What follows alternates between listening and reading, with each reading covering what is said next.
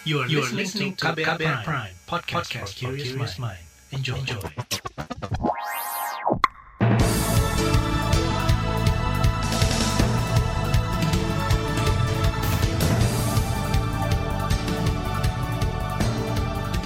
Selamat pagi saudara, senang sekali kami bisa menjumpai Anda kembali melalui program Buletin Pagi edisi Rabu 3 November 2021. Bersama saya Naomi Liandra. Sejumlah informasi pilihan telah kami siapkan. Di antaranya, sejumlah daerah potensial tingkatkan kasus COVID-19.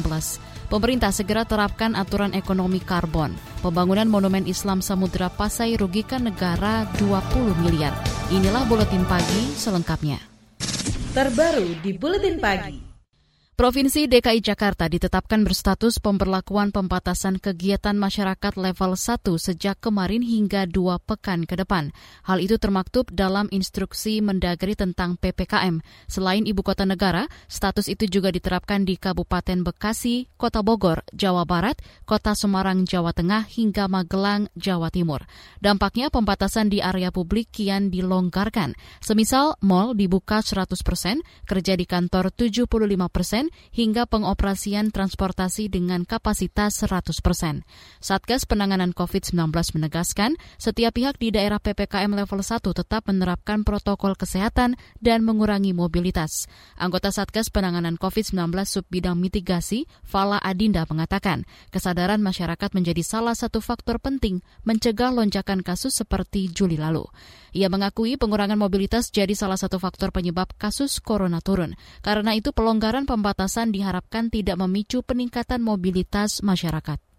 Berbekal uh, kasus bulan Juli lalu, maka yang bisa kita pelajari adalah selalu hindari mobilitas dan kita selalu batasi mobilitas kita gitu. Selain prokes yang harus tetap berjalan, maka mobilitas yang kita lakukan secara pribadi, secara individu juga harus dibatasi dan berikan contoh itu kepada masyarakat pada umumnya sehingga nantinya kita akan menjadi masyarakat yang aware terhadap pandemi. Fala menyatakan perlu kerjasama seluruh pihak dalam penegakan disiplin protokol kesehatan, di antaranya pengawasan dari petugas di lapangan untuk mencegah kerumunan, sebab tren peningkatan kasus masih terjadi di antaranya di Jawa Barat, Gorontalo, dan Maluku Utara. Kementerian Perhubungan bakal terus mengawasi penerapan protokol kesehatan COVID-19 di area publik yang berada di wilayah-wilayah yang menerapkan PPKM. Juru bicara Kementerian Perhubungan Adita Irawati melibatkan sejumlah pihak dari unsur Satgas COVID-19 TNI Polri untuk mengawasi penumpang kita tetap meminta kepada semua penumpang untuk menerapkan protokol kesehatan dan juga e, pengawasan oleh para operator khususnya operator prasarana ya seperti operator bandara, operator stasiun maupun terminal untuk melakukan pengawasan terhadap protokol kesehatan. Ini satu hal yang sangat penting meskipun mungkin syaratnya sudah e, diperbolehkan antigen dan juga sudah vaksin, tetapi protokol kesehatan itu wajib tetap untuk diimplementasikan. Juru bicara Kementerian Perhubungan Adita Irawati meminta dukungan pengawasan dari operator dan kesadaran masyarakat mencegah penularan dengan prokes ketat. Sementara itu, manajer hubungan antar lembaga KI Komuter Adli Hakim memastikan kapasitas maksimal pengguna KRL masih 32 persen. KCI juga menambah pengoperasian saat jam sibuk serta pembatasan penumpang masuk stasiun. Hal itu bentuk antisipasi penularan virus corona tatkala status PPKM berada di tiap wilayah yang terhubung.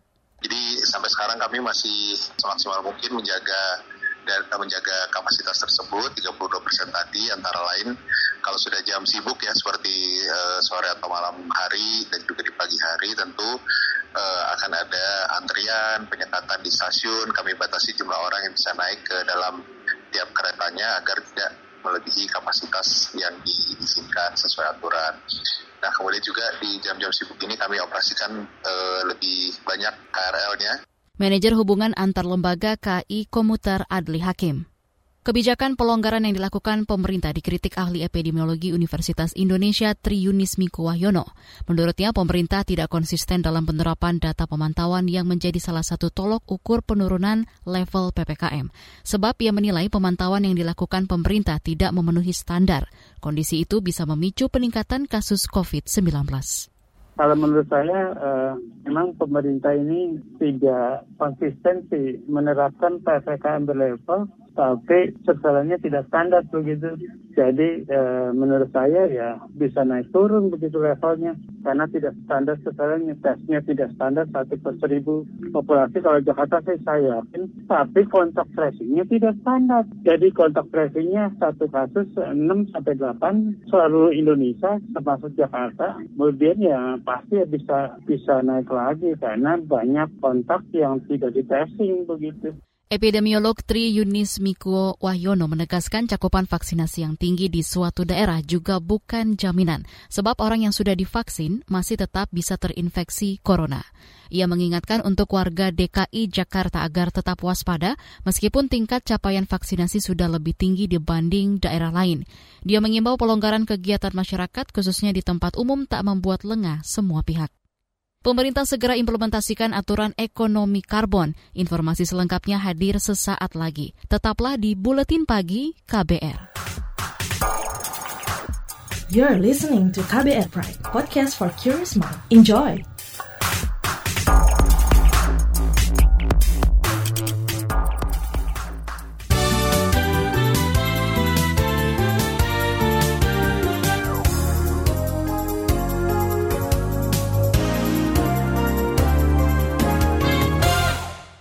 Pemerintah segera menerapkan implementasi peraturan Presiden Perpres tentang nilai ekonomi karbon atau NEK. Perpres itu disahkan Presiden Joko Widodo dalam pertemuan Konferensi Perubahan Iklim Perserikatan Bangsa-Bangsa atau COP26 di Glasgow, Skotlandia.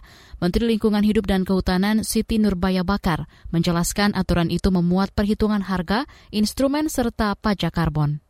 Indonesia juga sudah eh, mempersiapkan uh, untuk uh, ekonomi karbon.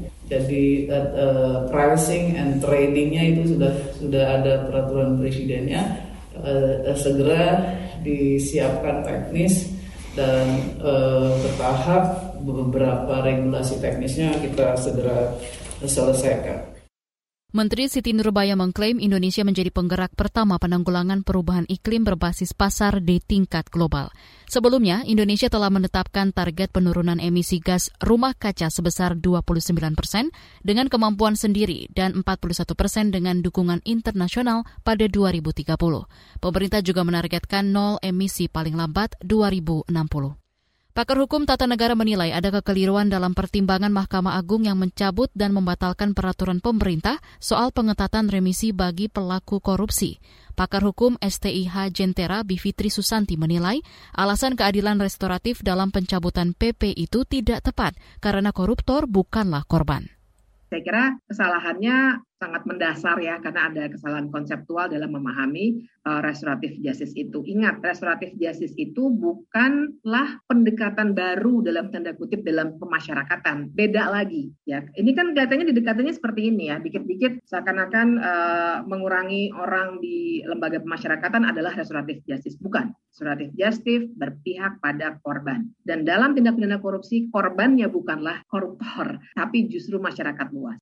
Bivitri juga tidak sepakat dengan alasan MA yang menganggap PP itu diskriminatif lantaran membedakan perlakuan terpidana korupsi dengan kejahatan lain. Dia menegaskan korupsi adalah kejahatan luar biasa, sehingga penanganannya juga dikhususkan. Sebelumnya, Mahkamah Agung membatalkan peraturan pemerintah tentang syarat dan tata cara pelaksanaan hak warga binaan. Aturan itu memuat syarat berbeda pemberian remisi antara narapidana korupsi, teror, dan narkoba dibanding napi lain. Ribuan anak kehilangan orang tuanya akibat pandemi COVID-19. Menteri Pemberdayaan Perempuan dan Perlindungan Anak Menteri P3A Bintang Puspayoga mengatakan puluhan ribu anak itu membutuhkan dukungan semua pihak, antara lain pemerintah, keluarga, dan masyarakat. Itu disampaikan Bintang dalam acara pelaksanaan dukungan psikososial bagi anak-anak terdampak COVID-19 di Indonesia kemarin. Dari pendataan Rapid Pro yang kami kerjasama dengan UNICEF itu memang hampir hari ini 29.822 anak-anak yang kehilangan salah satu atau kedua orang tuanya karena COVID-19. Tentu hari ini kami sangat berbahagia sekali karena pendampingan psikososial ini adalah merupakan hal yang sangat penting untuk mengembalikan semangat anak-anak yang ditinggalkan oleh salah satu atau kedua orang tuanya. Menteri P3A Bintang Puspayoga berharap pendataan anak-anak korban corona yang dilakukan bersama Kementerian Sosial bisa ditindaklanjuti uluran tangan semua pihak. Di acara yang sama, Menteri Sosial Tri Risma hari ini menyalurkan bantuan asistensi rehabilitasi sosial atau atensi berupa tabungan kepada 150-an yatim piatu akibat COVID-19, total hampir 35 juta rupiah, serta alat bantu 29 anak disabilitas. Kita ke informasi ekonomi. Menteri Perdagangan Agus Gumiwang Kartasasmita mengklaim kinerja industri manufaktur Indonesia secara keseluruhan menunjukkan tren pertumbuhan positif dari tahun ke tahun, meski di tengah berbagai tantangan global. Menteri Agus menyebut tren pertumbuhan positif terlihat dari kontribusi sektor manufaktur terhadap produk domestik bruto PDB yang selalu meningkat dan nilai investasi sektor manufaktur yang selalu bertambah. Karena itu kebijakan pengembangan industri di masa pandemi dinilai tepat, yaitu dengan pemberian insentif fiskal dan non-fiskal yang mendorong permintaan dan mengembalikan utilisasi. Capaian PMI Manufaktur Indonesia pada Oktober tahun ini mencapai 57,2. Angka ini melampaui PMI sejumlah negara manufaktur dunia, di antaranya India 55,9 dan Jepang 53,2. Kita ke informasi mancanegara. Pertemuan Presiden Indonesia Joko Widodo dengan sejumlah pimpinan perusahaan besar Inggris di Glasgow, Skotlandia menghasilkan komitmen investasi senilai 9,29 miliar dolar Amerika atau sekira 132 triliun rupiah. Hal ini disampaikan Menteri Luar Negeri Indonesia Menlu RI Retno Marsudi dalam video keterangan pers terkait kegiatan Presiden di Glasgow, Skotlandia kemarin. Menlu Retno mengklaim investasi itu sebagai bukti kepercayaan investor asing terhadap Indonesia. Dari pertemuan tadi, terdapat komitmen investasi sebesar 9,29 miliar US dollar. Pertemuan berlangsung dengan sangat baik, selain karena adanya hasil konkret investasi, juga karena investasi difokuskan pada investasi hijau atau green investment. Menteri Retno menjelaskan dalam pertemuan itu Presiden Jokowi juga menjelaskan upaya Indonesia memenuhi komitmen menurunkan emisi dan kebijakan yang mendorong transisi ekonomi dan dan energi kepada investor.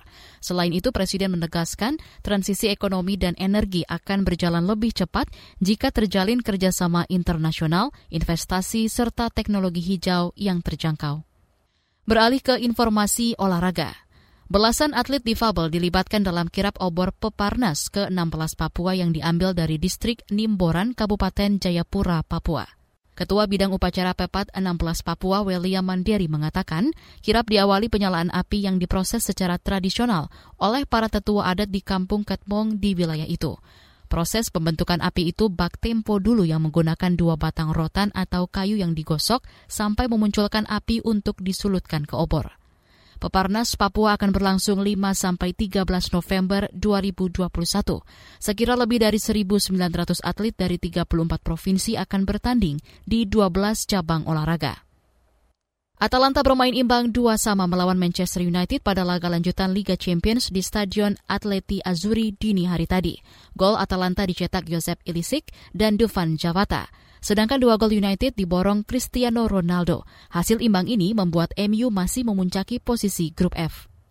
Pada pertandingan lain, Chelsea menang tipis 1-0 saat melawat ke markas Malmo FF. Gol tunggal Chelsea dilesakan Ziyech.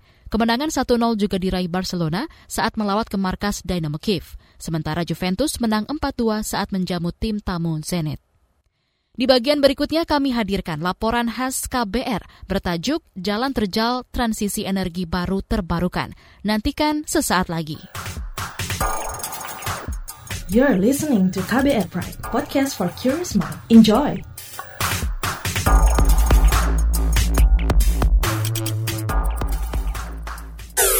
Commercial break.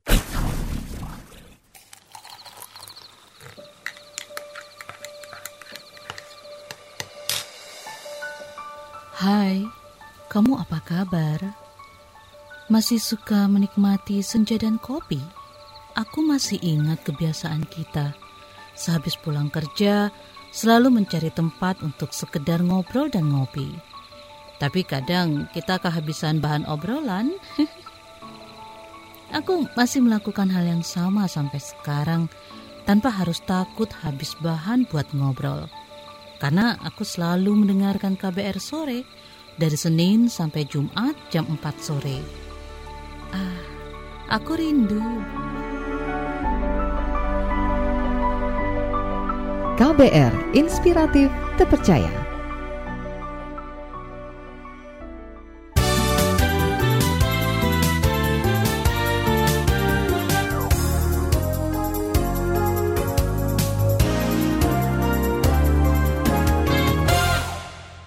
Anda masih bersama kami di Buletin Pagi KBR.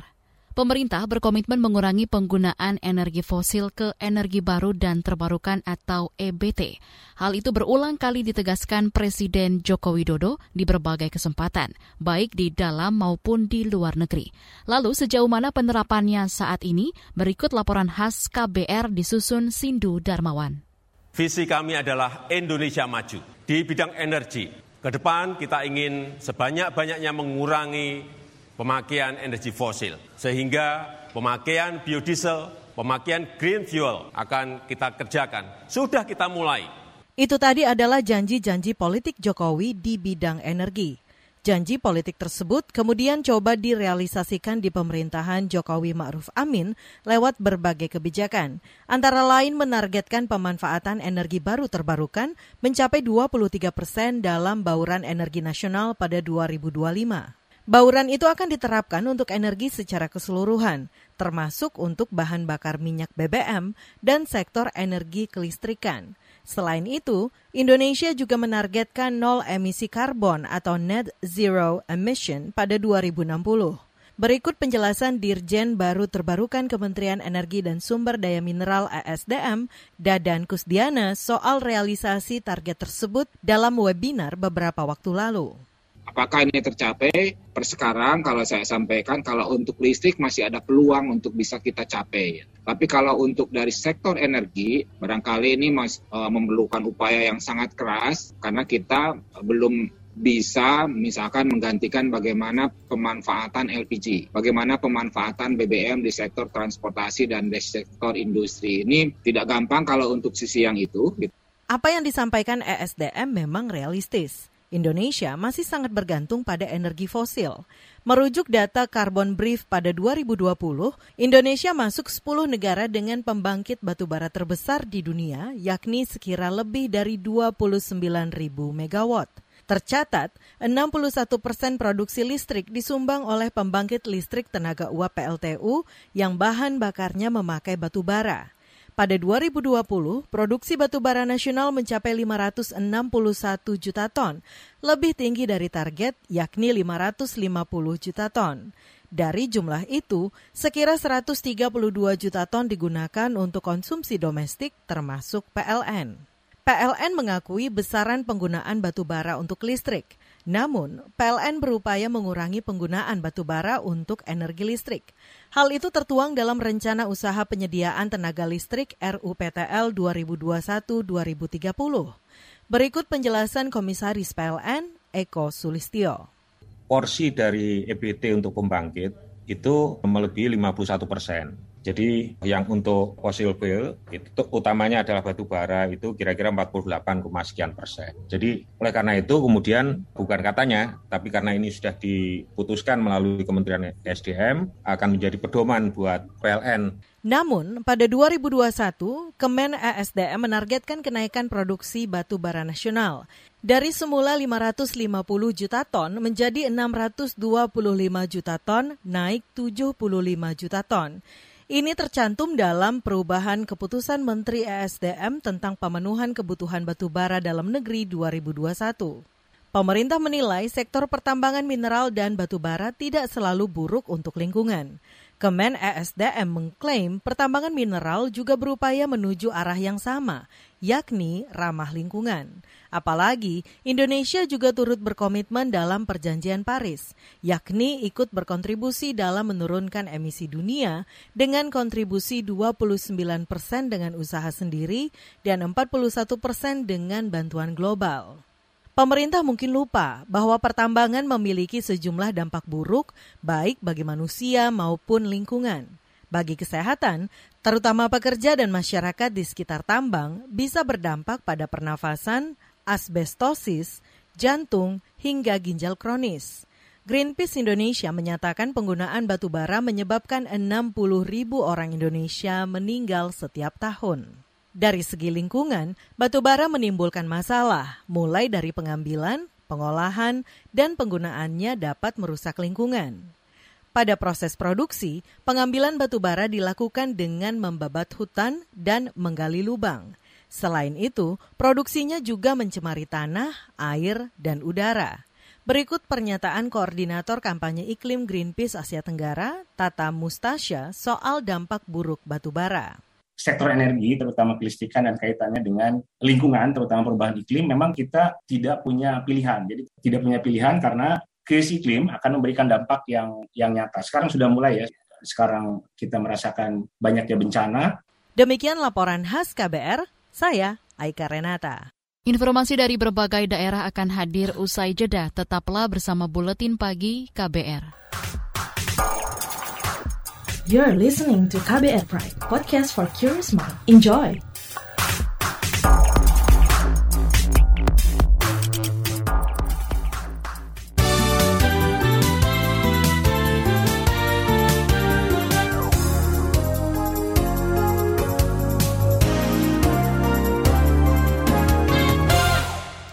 Inilah bagian akhir buletin pagi KBR. Kejaksaan Negeri Lok Sukon, Kabupaten Aceh Utara menduga kerugian negara dalam pembangunan Monumen Islam Samudra Pasai mencapai 20 miliar rupiah. Kepala Kejaksaan Negeri Aceh Utara Diah Ayu Hartati mengatakan telah menyerahkan berkas dokumen dan alat bukti perkara itu ke Badan Pengawasan Keuangan dan Pembangunan setempat pelaku setempat selaku lembaga auditor resmi pemerintah.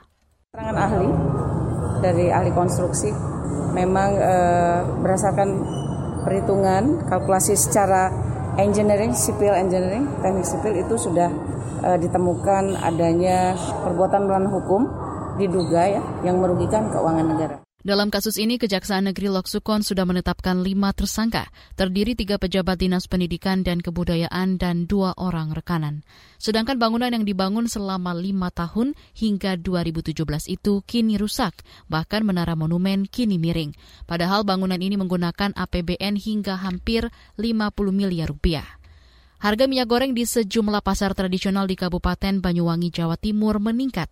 Minyak goreng kemasan mencapai Rp35.000 per kilogram dari sebelumnya dibanderol sekitar Rp27.000 per kilogram. Sedangkan minyak goreng curah naik dari Rp19.000 menjadi Rp29.000 per kilogram. Pedagang di pasar setempat Misrawati mengungkap pasokan agen yang menipis ditengarai sebagai penyebab kenaikan harga. Akibatnya pembeli daya beli masyarakat menurun 50 persen.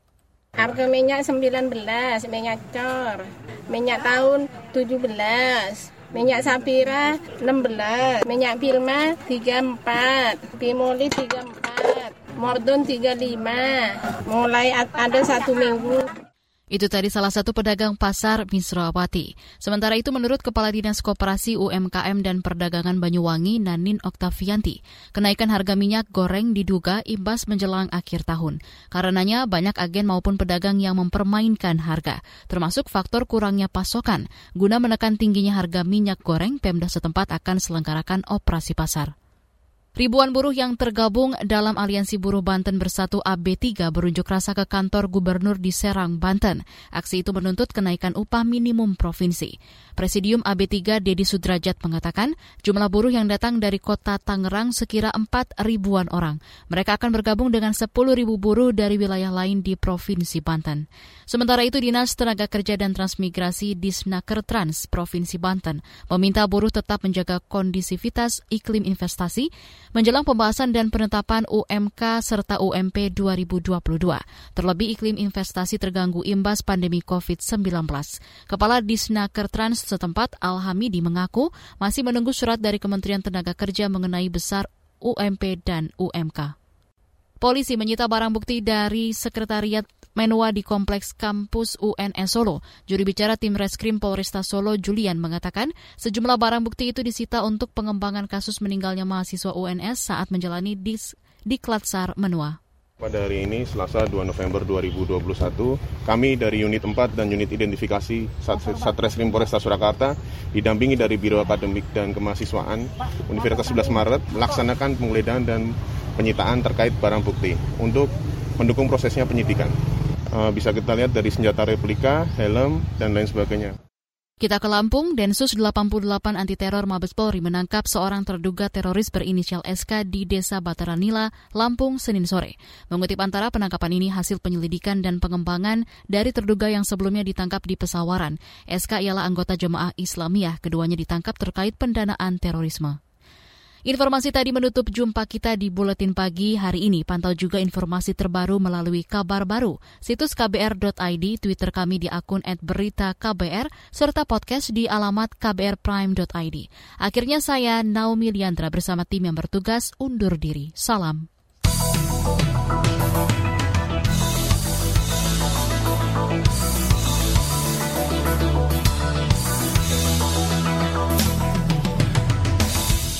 KBR Prime, cara asik mendengar berita.